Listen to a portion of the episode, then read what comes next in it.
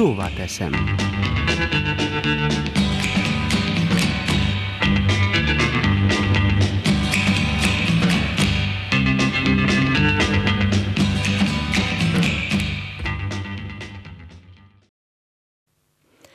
Köszöntöm Önöket! A 2022-es év elején tartunk. Elbúcsúztunk az új évtől, és beléptünk az új esztendőbe. Hogy milyen volt a tavalyi év, azt már megtapasztaltuk. Mindenki levonta belőle a következtetéseket. Hogy mit tartogat az új, az még rejtés számunkra. 2022-t írunk, és már közel két éve a járvány körül forog minden. Egyre többet hallottunk a napokban az Omikron gyors terjedéséről, és arról, hogy emiatt újra otthoni munkára ösztönzik a lakosságot, valamint arról is, hogy korlátozzuk az emberi kapcsolatokat. Az előrejelzések szerint az Omikron rendkívül gyors terjedése oda vezethet majd, hogy akár a lakosság közel egy ötöde is karanténba kerülhet. A szakemberek is arra utalnak, hogy az Omikron verzió abszolút fertőzőbb, és hogy nem találkoztak olyan vírussal, amely a lakosság nagy részét megfertőzheti, függetlenül attól, hogy beoltod valaki, vagy már átesett a betegségen. Nem túl kecsegtetők ezek a tények, nem igaz? Az Omikron mindegyik korosztályt érinti. Bejutott az idős otthonokba, valamint a középkorosztály és a fiatalok körében is fertőz. Bizonyára hallották azt a hírt is, hogy Olaszországban két és fél millió állampolgár van karanténban.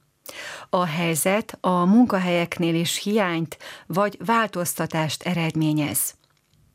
Nálunk is arról hallani, hogy az iskolákat minél tovább nyitva szeretnék tartani. Úgy érzem, hogy csak valahogy próbálják menteni a menthetőt. A károkból, ártalmas dolgokból már van bőven.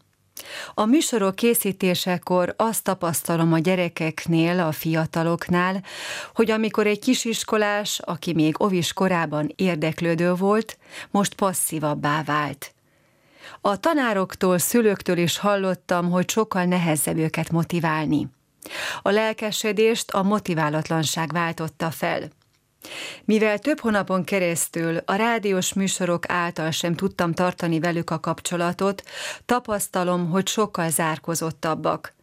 Ha szülőkkel beszélgetek, hasonlókat mondanak. Elég volt már ebből a helyzetből, a bezártságból. A gyerekek nem tudtak olyan közegben lenni, amelyeket megérdemeltek volna, és ez fejlődésükre is hatással volt. Ahogy telik az idő, kezd megmutatkozni, hogy a járvány mi mindent vett el a gyerekektől. Hadd tegyem hozzá, hogy nem csak a gyerekektől, hanem tőlünk, felnőttektől is. A passzivitás, érdektelenség nálunk is érezhető. Ha egy monitor az, amely kapcsolatot biztosít a tanár és a gyermek vagy a felnőttek között, akkor ott a személyes kapcsolatok gyengülni kezdenek, és érdektelenség lép fel. Egy megszokott zónából pedig újra nagyon nehéz kitörni.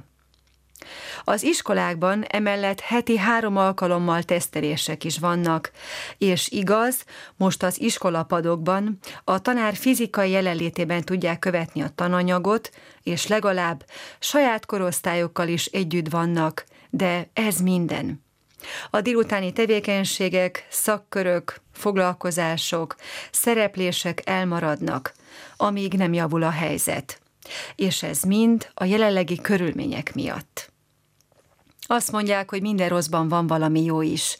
Remélem egyet értenek velem, hogy jelenleg valahogy még nem látom az alagút végén a fényt, ha újabb rémhírekkel riogatnak bennünket.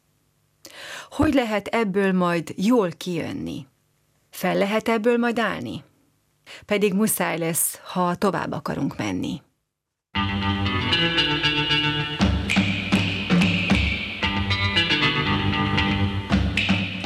Szóvá teszem.